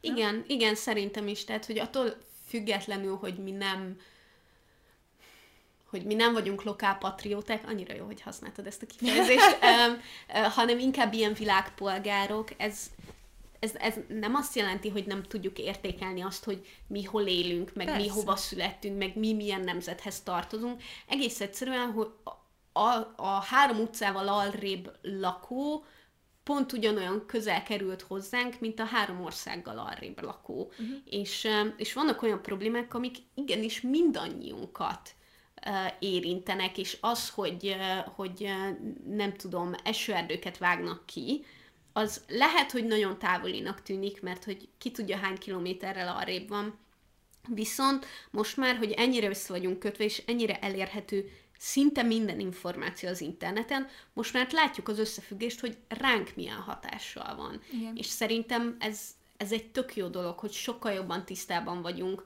a, a tetteink következményeivel, meg azzal, hogy mi határozza meg a mi életünket, vagy az utánunk következőknek az életét, viszont ez egy tök nagy nyomás is tud lenni, Igen. szóval ezt szerintem nekünk meg kell tanulnunk, hogy... A helyén kezelni, nem? Igen, hogy mik a határaink, mennyi mindennel tudok még azonosulni, mennyi mindennért tudok tenni, mennyi mindennért tudok tenni éppen most, mert lehet, hogy ma nincs erőm harcolni, de lehet, hogy holnap lesz erőm, csak, csak nekem például személy szerint nem könnyű az, hogy, hogy így ezt az érzékenységet visszafogjam, meg ezt a, nem tudom, ezt a vevőt mások problémáira nézve, hanem, hanem egy kicsit így szortírozzam, és, és megtaláljam a távolságot is, hogy ne vegyem a vállamra a világ összes problémáját. Igen, de nyilván azért is nem tudom, engem hogy egyébként úgy általánosságban nagyon érdekel az Z-generáció, hogy ők hogy állnak ezekhez a dolgokhoz, mert nyilván ott van a fejemben a... Úgy elfejtettem a nevét. A lány, a, a kis csaj, aki meghódítja a világot. A Greta... Greta, Greta Thunberg. Igen, azt hiszem. Tehát, hogy nyilván ha, az, ha Z-generációra gondolok, akkor rágondolok, meg a uh-huh. Fridays for Future-re, akik itthon is állnal szervezik a kis vizéket, de hogy közben meg van olyan ismerősöm, aki tanár, és ezt a generációt tanítja, és így kérdezgettem, hogy és tényleg ilyenek, és mondja, hogy nem. És mondtam, hogy de hát én azt hittem, hogy majd ők itt tényleg itt mindent megváltják a világot, és tök jó lesz, és így nem biztos. Tehát, hogy én nagyon kíváncsi vagyok rá, hogy ők hogy vannak ezzel, de hogy az tény is való, hogy a millennial generáció az, akire így gyakorlatilag így rázódult ez mint, uh-huh. hogy mekkora a probléma, mennyi probléma van a világban, a klímaszorongás, és egy csomó olyan dolgot csinál, amiről gyakorlatilag nem mi tehetünk, most nem azt mondom, hogy az előző generáció tehet, mert mindenki tehet róla, meg ahogy alakult ez az egész, de hogy mi nagyon érezzük ezt a fajta nyomást, hogy ezt most gyorsan meg kell oldani valahogy, és az, hogy közben érezzük azt, hogy mennyire kicsik vagyunk ehhez képest, meg hogy, tehát az, hogy elhivatottak vagyunk egy csomó ügy iránt, van egy csomó elvünk, az, hogy erre a generációra, generációra a legjellemzőbb az is, hogy hajlamosak, vagy hajlandóak vagyunk a tudatos vásárlást olyan szinten csinálni, hogy igenis többet áldozunk egy-egy darabra, mert azt gondoljuk, hogy ezzel szavazunk, tehát hogy ez a fair trade vásárlás, akkor inkább veszek egyet, de az jó legyen, meg, meg hogy nem csak egy termékként tekintünk valamire, hanem nézzük a mögötte lévő márkát is, és hogy akkor így ignorálunk egy csomó mindent. Szóval, hogy ezek nagyon jó dolgok, viszont ugyanannyira előidézhetnek egyfajta ilyen szorongást, uh-huh. meg egy csomó olyan uh, aspektus van ennek az egésznek, amiről, erről beszél, amiről eddig beszéltünk, ami nyilván a mentális egészségre rossz hatással van. Um, és ezt te is meséltél erről a múltkor, és ez tök, tök érdekes volt, hogy, hogy ez, ez így miért is van, de, de szerintem ez is egy olyasmi, ami, ami miatt valószínűleg ezért is hívnak minket hópihének részben, mert hogy sokkal uh-huh. nyíltabban beszélünk a mentális betegségekről, meg a, a küzdelmekről, meg a terápiára járásról, meg mindenről, mert nyilván az előző generációnak nem is annyira volt ehhez hozzáférhetősége, nem? Meg uh-huh. nem, nem volt annyira szükséges, valószínűleg nem foglalkoztak vele, és ezért ez is így nálunk csúcsosodott ki leginkább ez az egész téma. Igen, és ezzel, tehát nyilván az előző generációknak is megvoltak a maguk problémái, és Persze. nem hasonlíthatjuk össze a mai élethez azt, hogy milyen volt például egy világháború során, de minthogyha kinyitottak volna egy ajtót, és a sok jó dolog mellett rengeteg stressz ömlött volna ránk, és ezt nagyon-nagyon nehéz kezelni. És emiatt igazából, hogy ennyi stressz is ránk ömlött, ezért nagyon sok döntést kell meghoznunk, és úgy érezzük, hogy sokkal nagyobb súlya van az egyes döntéseinknek. Igen, az a furcsa, hogy azt több helyen is, azt hiszem, hogy több forrásból is, is azt olvastuk, vagy láttuk, hogy a millenial generációra jellemző az is, hogy nem annyira szerez, szeretnek elmenni szavazni, um, tehát hogy politikai életben részt venni azzal, hogy, hogy szavaznak, ami, ami nekünk fura, nem? Tehát hogy nekünk Nekem ez így furán fura. hangzott, mert hogy mi nyilván ott vagyunk, és a mi, akiket mi ismerünk, és azonos uh, életkorú velünk, az, azoknak ez fontos, még ha nem is, tehát én sem foglalkozom nap, mint nap a politikával, de ha valami van, akkor ott vagyok, mert tudom, hogy muszáj és ott kell lenni, de hogy uh, nem, nem emlékszem sajnos, hogy mi volt az eredménye ennek a kutatásnak pontosan, de hogy az volt az indok, hogy egyik jelöltben sem bíznak uh-huh. az emberek, és ezért inkább úgy dönt egy részük, hogy nem megy el szavazni. Ami tényleg azért is fura nekem, mert hogy az interneten is ezt látom, tehát az összes amerikai, akit követek, mert nyilván én olyan embereket követek, akik szerint ez egy nagyon fontos dolog, és mindig kampányolnak mellett, hogy mennyire szavazni, mennyire szavazni, mert nagyon fontos, úgyhogy ez egy érdekes dolog volt. A kicsit, hogy átkanyarodjunk így a munka és a pénzügyeknek a vonalára, um, egy nagyon érdekes és nagyon szomorú dolog, hogy mi vagyunk az első olyan generáció, aki szegényebb az előtte lévő generációhoz képest, és az, hogy ja. milyen lehetőségeink vannak, például lakásvásárlásra semmi, ami annak a következménye, hogy egyrészt sokkal kevesebb pénzünk van, a másik pedig az, hogy nyilván egyre kevesebb helyünk van mármint hogy egyre kevesebb elérhető lakás és ház van, illetve egyre inkább a nagyvárosokba tömörülünk, ahol egyre kevesebb a hely. Um, Igazából úgy van kevesebb pénzünk, hogy sokkal drágább minden, nem arányaiban. Igen, igen, igen, tehát hogy arányaiba véve, hogy ha megnézzük, hogy, hogy um, 30 évvel ezelőtt mennyit kellett valakinek dolgozni azért, hogy saját lakása legyen, és most megnézzük, hogy mennyit kell dolgozni azért, hogy saját lakása legyen, hatalmas nagy különbség van. Tehát gyakorlatilag ez a, az életet elindítani, a, a, az a pénz, ami ahhoz kell, hogy neked legyen egy saját lakásod, egy autód, mit tudom én, mosógéped, tehát hogy ezek, ez Igen. elképesztő mennyiségű pénz, és valahogy ez, ha nem is tűnik úgy manapság, hogy keveset keresünk, ahhoz, hogy ezt elérjük, hogy ez meglegyen, az sokkal-sokkal nehezebbnek tűnik. Igen, és egyébként ami pénzeket keresünk, hogyha nagyobb összegnek is tűnik. Megnézzük, hogy mi történik az inflációval, hogy mi történik azzal, hogy mondjuk a, a környezeti hatások miatt mennyibe kerülnek dolgok, ez, tehát, hogy arányaiban sokkal-sokkal rosszabb a helyzet, és pontosan emiatt az egyik dolog, ami nagyon gyakran előfordul, hogy folyamatosan újabb és újabb munkahelyre megyünk, ahol, ahol úgy látjuk, hogy jobb lehetőségeink vannak. És ez az egyik oka, hogy hogy igazából, mivel sosincs semmire elég pénz, ezért, hogyha látunk egy jobb lehetőséget, akkor inkább úgy érezzük, hogy utána megyünk, mert ott több pénzünk van, jobban fognak minket kezelni, és, és, ezt, és ez rámegy a biztonságunknak a kárára. Igen, ez állítólag egy kutatásban olvastam, hogy a milleniálok 91%-a át, átlagban három évnél kevesebb ideig van egy munkahelyen, ami nekünk tök normális szerintem, viszont nyilván az előző generációnak ez egy ilyen, tehát hogy ők, ők elmentek valahova dolgozni, az én szüleim ugyanígy vannak, elkezdtek valahol dolgozni, és onnan fognak nyugdíjba menni, és ez nagyon sok mindenkire jellemző volt, és Szerintem ennek több oka is van, hogy ez miért nem így van most. Egyrészt ugyanúgy a lehetőségek tárháza, hogy mennyi mindent csinálhatsz, az, hogy nem mindenki tudja eldönteni tényleg 18 évesen vagy 20 néhány évesen, hogy mit akar csinálni, úgyhogy így, így keresi a helyét, ezért is váltogat. A másik az tényleg, hogy ez a fajta ön, önérvényesítés, meg önkifejezés, ez annyival fontosabb annál, mint hogy, mint hogy mi az a cég, akinél dolgozol, uh-huh. tehát hogy te nem a cég vagy, és még akkor is, hogyha ez, ez bizonyos szempontból érvényes abszolút ránk is, ez a, amikor belső motivációt próbálnak csinálni a külső motivációból, hogy hát ez egy csodálatos csapat, és nekünk itt minden tök jó, és így nem, nem az történik, hogy ott állnak fölötted és fenyegetnek, hogy már pedig ezt fejezd be, vagy nem tudom, mi fog történni, hanem azt mondják, hogy te vagy a csapat, rajtad múlik minden, és közben mm. ez nem igaz, mert te ugyanannyi pénzt fogsz kapni a hónap végén, hogyha közepes lángon égsz, meg akkor is, hogyha túlórázol éjjel-nappal, mert hogy nem a tiéd a cég, és ezt nyilván nagyon sokan érzik, és, és felismerik, és lehet, hogy a kiégés előtt még, vagy már utána, de úgy döntenek, hogy ez nekem nem kell, és elmegyek máshol, mert van rá lehetőségem. Azt olvastam az egyik cikkben, hogy a milleniálok ez a motivated by meaning, tehát hogy, uh-huh. hogy nagyon fontos az, hogy legyen értelme annak, amit csinálok, és hogy értéket teremtsek a világ számára is, de hogy a saját szempontomból úgy érezzem, hogy, hogy amit csinálok, az hozzám illik, az a képességeimhez mérten egy jó felület számomra, hogy, hogy ebbe rakjam az energiámat, és hogy tényleg ki tud fejezni magad benne. Úgyhogy ez a fajta ilyen keresgélés is az szerintem, ami miatt gyakran váltunk munkahelyet.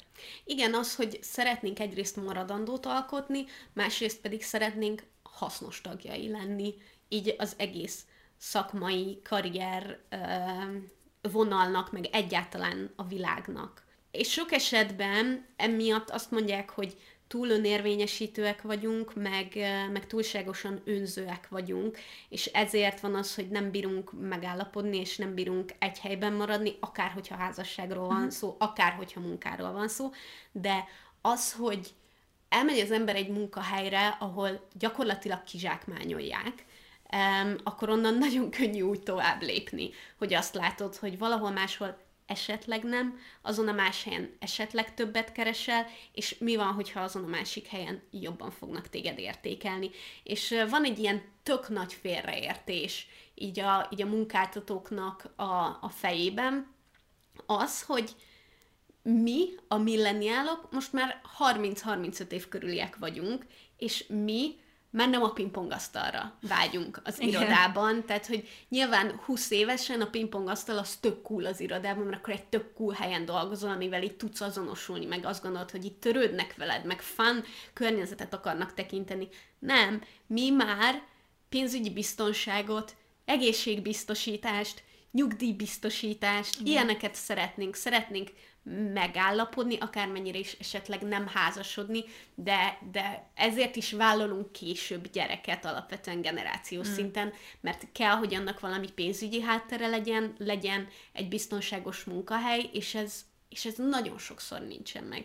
És ezért is van valószínűleg, hogy míg az előző generáció azt mondta 61%-ban, hogy jobb alkalmazottnak lenni, most a mostani generáció azt mondja 64%-ban, hogy jobb lenne egyéni vállalkozónak vagy vállalkozónak lenni. És szerintem ebbe tökre közre játszik az, hogy ha pénzügyileg, pláne induláskor nem is érz, érződne, hogy, hogy annyival biztonságosabb, hosszú távon érzetre nagyon sokan arról számolnak be, hogy azt érzik biztonságosabbnak, hogy saját maguknak teremtenek munkát, és nincsenek igazából ráutalva egy olyan helyre, ahol mondjuk őket kihasználják, vagy ahol akármennyire is azt azt próbálják erősíteni, hogy egyének vagyunk, és számítunk, és különlegesek vagyunk.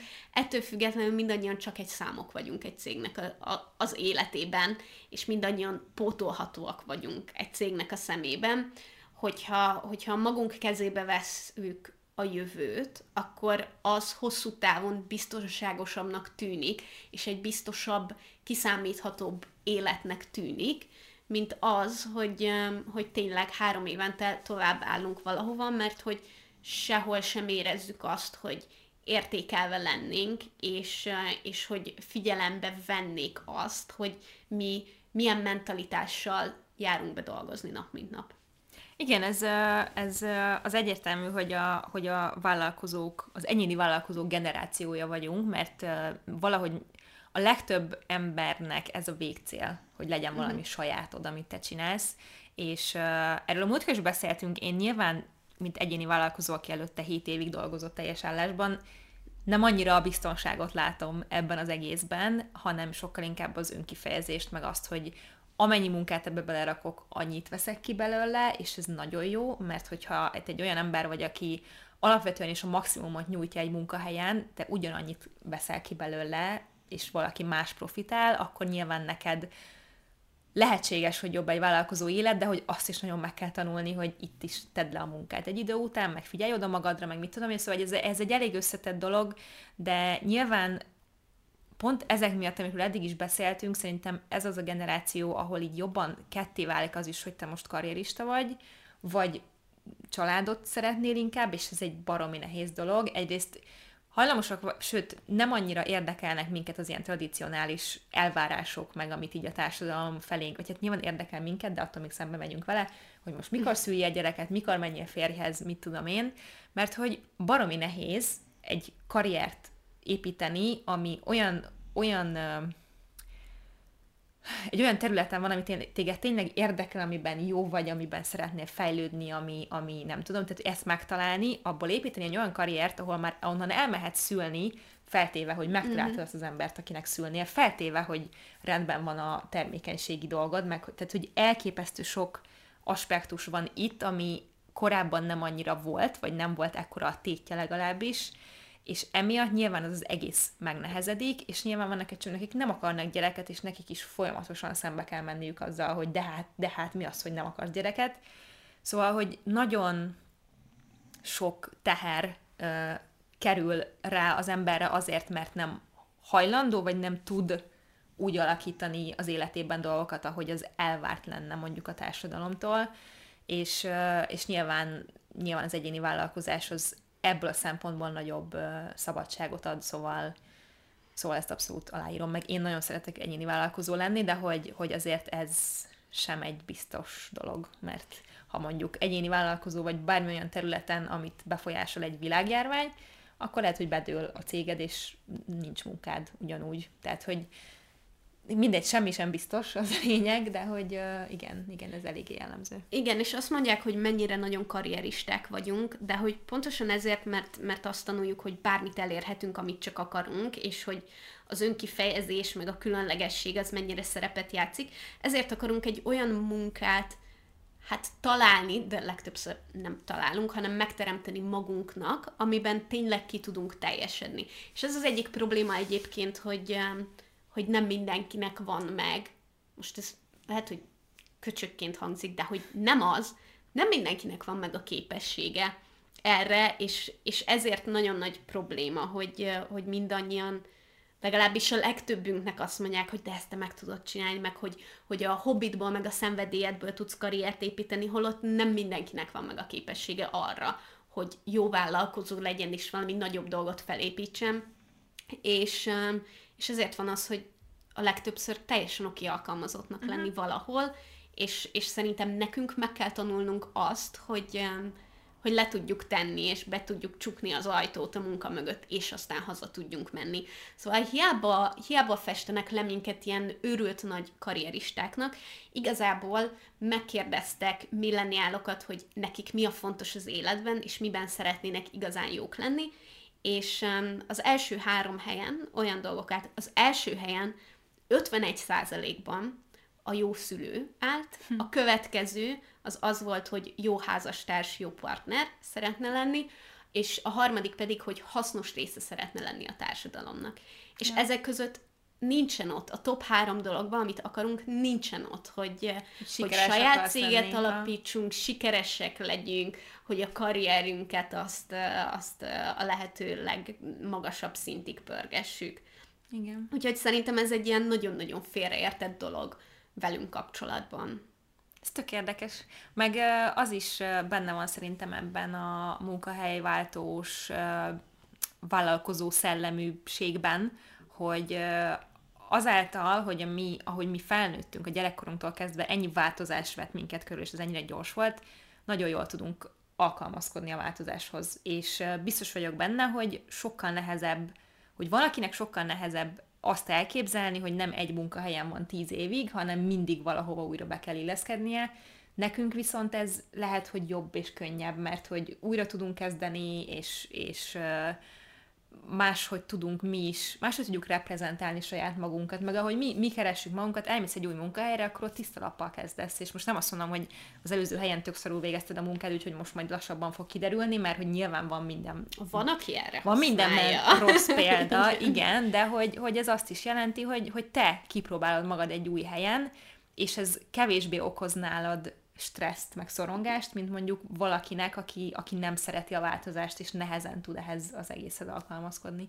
Illetve rá vagyunk kényszerítve a folyamatos megújulásra és a folyamatos tanulásra, pontosan azért, mert hogy ez az egész technológia világa, ez, ez exponenciálisan gyorsul, ami azt jelenti, hogy nekünk is egyre kevesebb idő alatt egyre több mindent kell megtanulnunk, és egyre több mindenhez kell értenünk, és ezért nehéz is a szakmaváltás, mert hogy ennyire lemaradva érezheti magát az ember, viszont ezért is van, hogy a legtöbbünknél eljön az a pont, amikor egyszer csak feldobja a papírokat az égbe, és azt mondja, hogy fuck this shit, mert, mert hogy ebbe borzasztóan el lehet fáradni. Igen. És, és hogy az egyik dolog, amit nekünk nagyon meg kell tanulnunk, az az, hogy ki tudjunk kapcsolni, és, és le tudjunk válni erről, mert rengeteg szorongással jár az, hogy mindig mindent látunk, és úgy érezzük, hogy mindig mindenben jónak kell lennünk, és egyébként a közösségi média az egy, az egy borzasztó nagy katalizátor ebből a szempontból,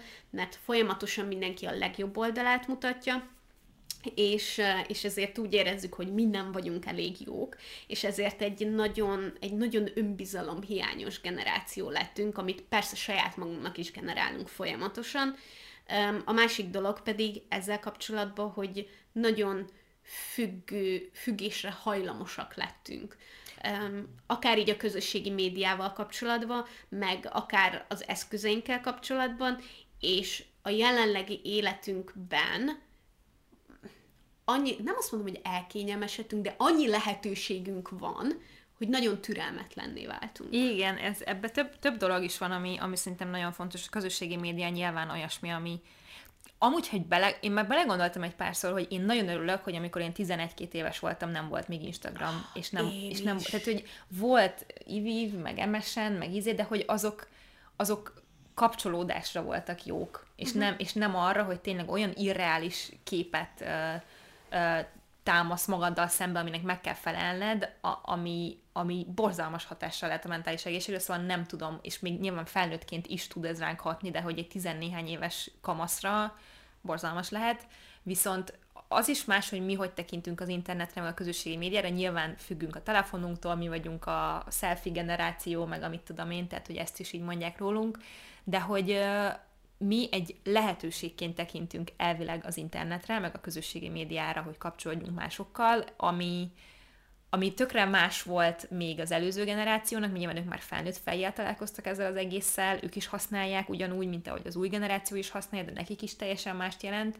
Viszont az tény is való, hogy, és ez mondjuk inkább ilyen társadalmi szinten igaz szerintem, ahogy hozzászoktunk ahhoz, hogy minden azonnal itt van, tehát most rendelek valami kaját, és egy óra múlva itt lesz, vagy rendelek valami ruhát, és holnap itt lesz, hogy ezek miatt a türelmünk az így tényleg így, tehát hogy megszűnni látszik, és ez nagyon nagy baj, én ezt felismertem amúgy egy pár évvel ezelőtt, amikor elkezdtem kertészkedni, hogy de várjál, tehát most én el, elásom azt a magot, és három hónapot kell várnom, hogy valami kibújjon a földből, és aztán egy évet, hogy ehessek róla valamit, szóval, hogy így nagyon durva, hogy, hogy tényleg az, hogy a, a mindennapi rutinunk, meg ahogy alakult ez az egész technológia, mennyire hatással van ezekre a képességeinkre is, és nyilván ezzel lehet foglalkozni, meg szerintem pont azért, mert mi vagyunk azok, akik emlékeznek rá, hogy milyen volt enélkül, képesek vagyunk, és akarunk is visszanyúlni azokba az időkbe, amikor nem volt minden olyan, mint most.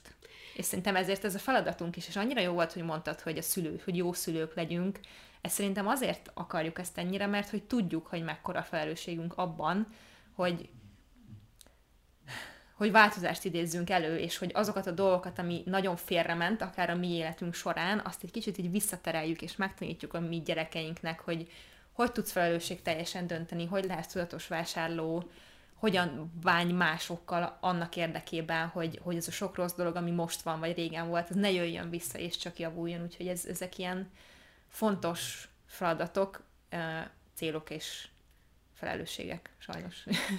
És tökre nem szabad elfelejteni azt sem szerintem, hogy oké, okay, hogy most sok esetben arról beszélünk, hogy azért sok mindent elcsesztek előttünk, de hogy alapvetően generációról generációra az a cél, hogy minél több tudást és tapasztalatot átadjunk, és, és nekem például tök jó látni, hogy a szüleim mennyire emlékeztetnek arra, hogy, hogy ne legyek ennyire türelmetlen, akár mm. abból a szempontból, hogy, hogy ők is ültettek egy fát a kertbe. És, és mert hogy majd egyszer milyen jó árnyékot fog adni, és tessen majd röhögtünk, hogy aha, persze, és azóta már az van, hogy nyáron, amikor süt a nap, akkor egy egész ember befér az árnyékába, ami hatalmas nagy dolog. És szerintem nekünk pont ugyanígy felelősségünk lesz az, hogy megmutassuk, meg megtanítsuk majd a következő generációnak, hogy, hogy figyú, le lehet tenni a telefont, ki lehet kapcsolni, el lehet menni bárhova, lehet főzni, nem csak, nem csak mindent azonnal lehet várni a, a sorozat következő évadára, nem kell azonnal ledarálni mindent. Szóval nekünk szerintem meg kell tanulni ezt a, ezt a türelmet, és akár a munkavilágában, mert um, mert nagyon gyorsan szeretnénk nagyon nagy dolgokat elérni, és nagyon nagy arconcsapás, amikor ez nem sikerül, amikor várjuk az előléptetést tíz hónappal azután, hogy elkezdtünk valahol dolgozni, és nem kapjuk meg. Mert valahol így elveszett az, hogy igazából eredményt akkor tudunk elérni, hogyha szép lassan, de folyamatosan dolgozunk valamiért, hosszú időn keresztül.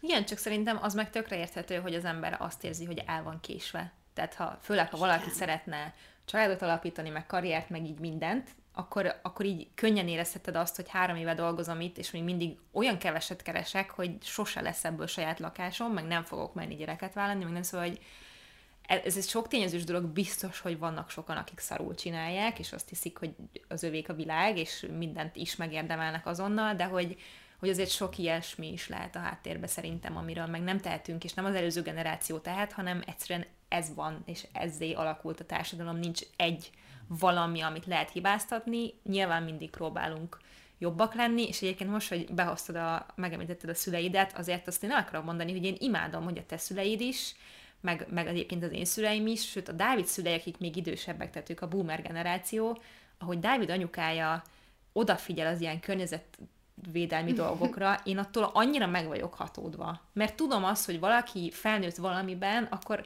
70 év fölött elég nehéz változni, és úgy változni, hogy te mondod azt, hogy ú, várjál, valami nem oké, okay, akkor én mostantól máshogy csinálom a dolgokat, amit az elmúlt 40 évben így csináltam. És így minden alkalom, amikor hazamegyek, látom, hogy a vászontáska, hogy a most szódát rendel, hogy nem ásványvizet iszik, mert amúgy a szénsavas szereti, és eddig ugye ásványvizet volt, most meg viszik mindig a szódás szifont, mint régen, uh-huh. és mhm. aztán kap újat, meg minden, és én ettől teljesen oda vagyok. Tehát, hogy nyilván egy-egy generációhoz tartozunk, de ez nem jelenti azt, hogy úgy kell viselkednünk, ahogy az a generáció csinálja, és azért, mert ez jellemző ránk, akkor ebbe kell belesimulni, hanem nagyon fontos menni azokkal az időkkel, amik vannak, tehát hogy, hogy nyitva tartani a szemünket és erre reagálni, és nyilván szerintem minél idősebb vagy, annál nehezebb valamit megszokni, meg valamiben változni, de hogy nem lehetetlen, és, és ez egy marha jó dolog.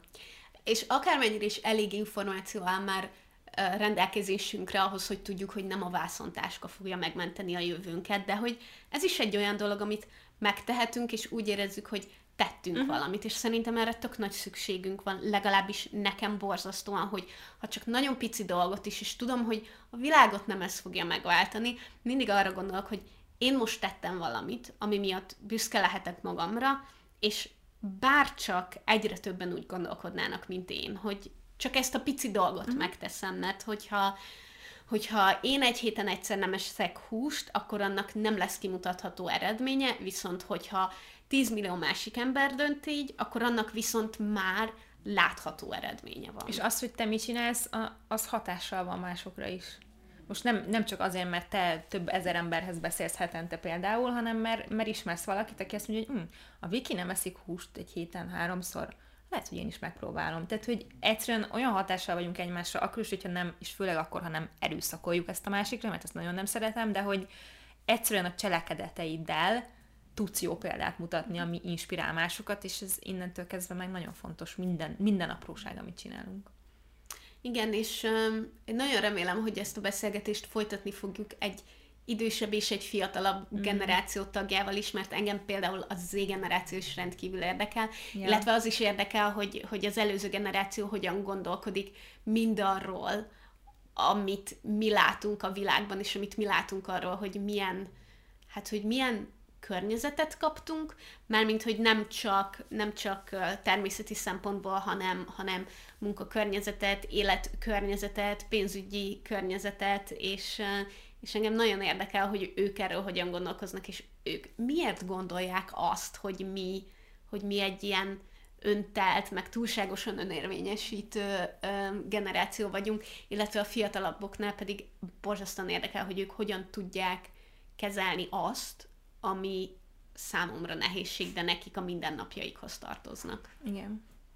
És amúgy nagyon sok minden van még, ami, ami így, így jellemez minket állítólag, és, és nem beszéltünk róla, a hópihességnek például ez a, hogy mennyire vagyunk érzékenyek arra, hogy ki mit mond, nem bírjuk a kritikát, ilyesmi. Ez is, ez is azért beszéltünk sok mindenről, ami, amiből ez következik szerintem, hogy mennyire um, jaj, hogy hívják ezt, amikor, hogy involválva vagyunk abban, hogy egy olyan népcsoport, akik nem mi vagyunk velük igazságtalanok, és akkor azt mi nem bírjuk elviselni, és kiállunk másokért. Tehát, hogy, hogy ebben nyilván ez is benne van, biztos van, aki ezt is túltolja, és semmit nem lehet jól csinálni, de hogy, hogy ezek alapvetően pozitív dolgok szerintem, csak, csak túl lehet reagálni minden, szóval...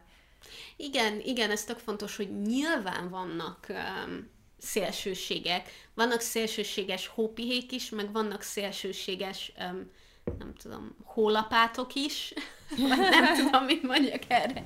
De hogy azért mindaz, amiről beszéltünk, az, az így általánosságban mm. elmondható, és persze mi is a, az átlagos milleniál vagyunk. A, 30 éves, aki ül a kényelmes kanapén, podcastel, és az elmúlt egy hétben evett avokádót, vagy nem tudom, hogy ettél-e avokádót az elmúlt egy hétben, de az én hűtőmben van egy avokádó, amit meg fogok enni. Um, akik megtapasztalták az alkalmazotti létet, a, a vállalkozó létet, a házasságot, nem házasságot, gyereket akar, nem akar gyereket. Szóval, hogy, hogy mi itt a, szerintem a teljesen a középátlagot képviseljük Igen. itt. Igen. Így, így generációs szemlélet szempontból legalábbis. Abszolút, és nem érhet véget úgy az a rész, hogy nem mondjuk ki, hogy azért elég sok privilégiumban van részünk a technológiai fejlődés miatt, tehát hogy ez legyen egyértelmű, hogyha esetleg úgy hangzott volna, mint hogyha panaszkodnánk, nem, nem erről van szó, csak, csak szerintem ezt így, így tényleg a legegyszerűbben úgy tudnám leírni magunkat, hogy nagyon sok jót hozott az, hogy ennyi lehetőségünk van, de elég sok rosszat is, és, és ez, ezzel nem tud mindenki megküzdeni, mindenki máshogy küzd meg vele. Ez van. Szerintem a, a nagy része az az, hogy nagyon sok olyan nehézséggel szembesültünk, amire nem készítettek fel, nem kaptunk eszközöket arra vonatkozóan, hogy hogyan birkózzunk meg velük, de ezt nem lehet az előző generáció számlájára írni csak, Persze, mert, mert hogy ők nem tudták, hogy mire kell minket felkészíteni. Nyilván, meg mi nem a túlélésért küzdünk, tehát hogy iszonyatosan szerencsések vagyunk nagyon sok uh, szempontból, hogy nem egy világháború idején élünk, meg nem arról van szó, hogy lesz-e mit ennünk holnap, meg, meg mit tudom én, tehát hogy ez, ez, ez azért legyen egyértelmű, hogy... Igen, de ettől függetlenül igenis szembesülünk nehézségekkel. Persze, csak más, más jellegűekkel. Igen, igen. igen. Ja, úgyhogy, úgyhogy ez, egy, ez egy nagyon érdekes téma, amit amúgy tényleg lehetne még sokáig boncolgatni, de szerintem bennem most nem maradt semmi olyan, ami, amit muszáj, muszáj lenne még kimondani, úgyhogy ha bennetek viszont igen, akkor azt a Facebook csoportban lévő vonatkozó poszt alatt, majdnem azt mondom, hogy Instagram poszt poszt alatt mindenképp írjátok meg a gondolataitokat, hogy ti hogy éreztek milleniálként, ha nem vagytok a generációnak a, a tagjai, akkor, akkor úgy írjatok róla, hogy nektek hogy jön le, akár személyes ismeretség által, akár az internet mit mond nektek rólunk, mert szerintem ez nagyon érdekes. És ha nem vagytok még a tagjai a Facebook csoportnak, akkor Párnacsata néven megtaláljátok, és három kérdésre válaszolva be tudunk engedni benneteket, illetve anonim módon is tudtok kérdezni a csoporton belül. Igen, úgyhogy ez, ez a Facebook csoport, ez egy fantasztikus hely arra, hogy az internet által kapcsolódjon egymáshoz egy olyan közösség, akik hasonló elveket vallanak, és ilyen témákról akarnak beszélgetni. És elmagyaráztad, hogy mi ez a Facebook? I- igen, hogy, hogy, ebb, hogy ebből a szempontból ez, ez milyen jó. Igen, ez is, igen. Ez is egy, egy... Nagyon vonatkozik, abszolút. Igen, igen. És hogyha szeretnétek nekünk e-mailt írni, azt megtehetitek a párnacsata podcast.gmail.com oldalon. Ha pedig szeretnétek támogatni a podcastet, akkor a patreon.com per párnacsata oldalon megtehetitek havi 1-2 dollárral um, annak érdekében, hogy több és jobb epizódot tudjunk nektek készíteni. Így van. De egyébként az is nagyon nagy segítség nekünk, hogyha megosztjátok valakivel, vagy az internettel a kedvenc epizódotokat, vagy úgy általában a podcastnek a hírét viszitek, úgyhogy ezt is nagyon köszönjük nektek, és értékeljétek az adott podcast hallgató applikációtokban.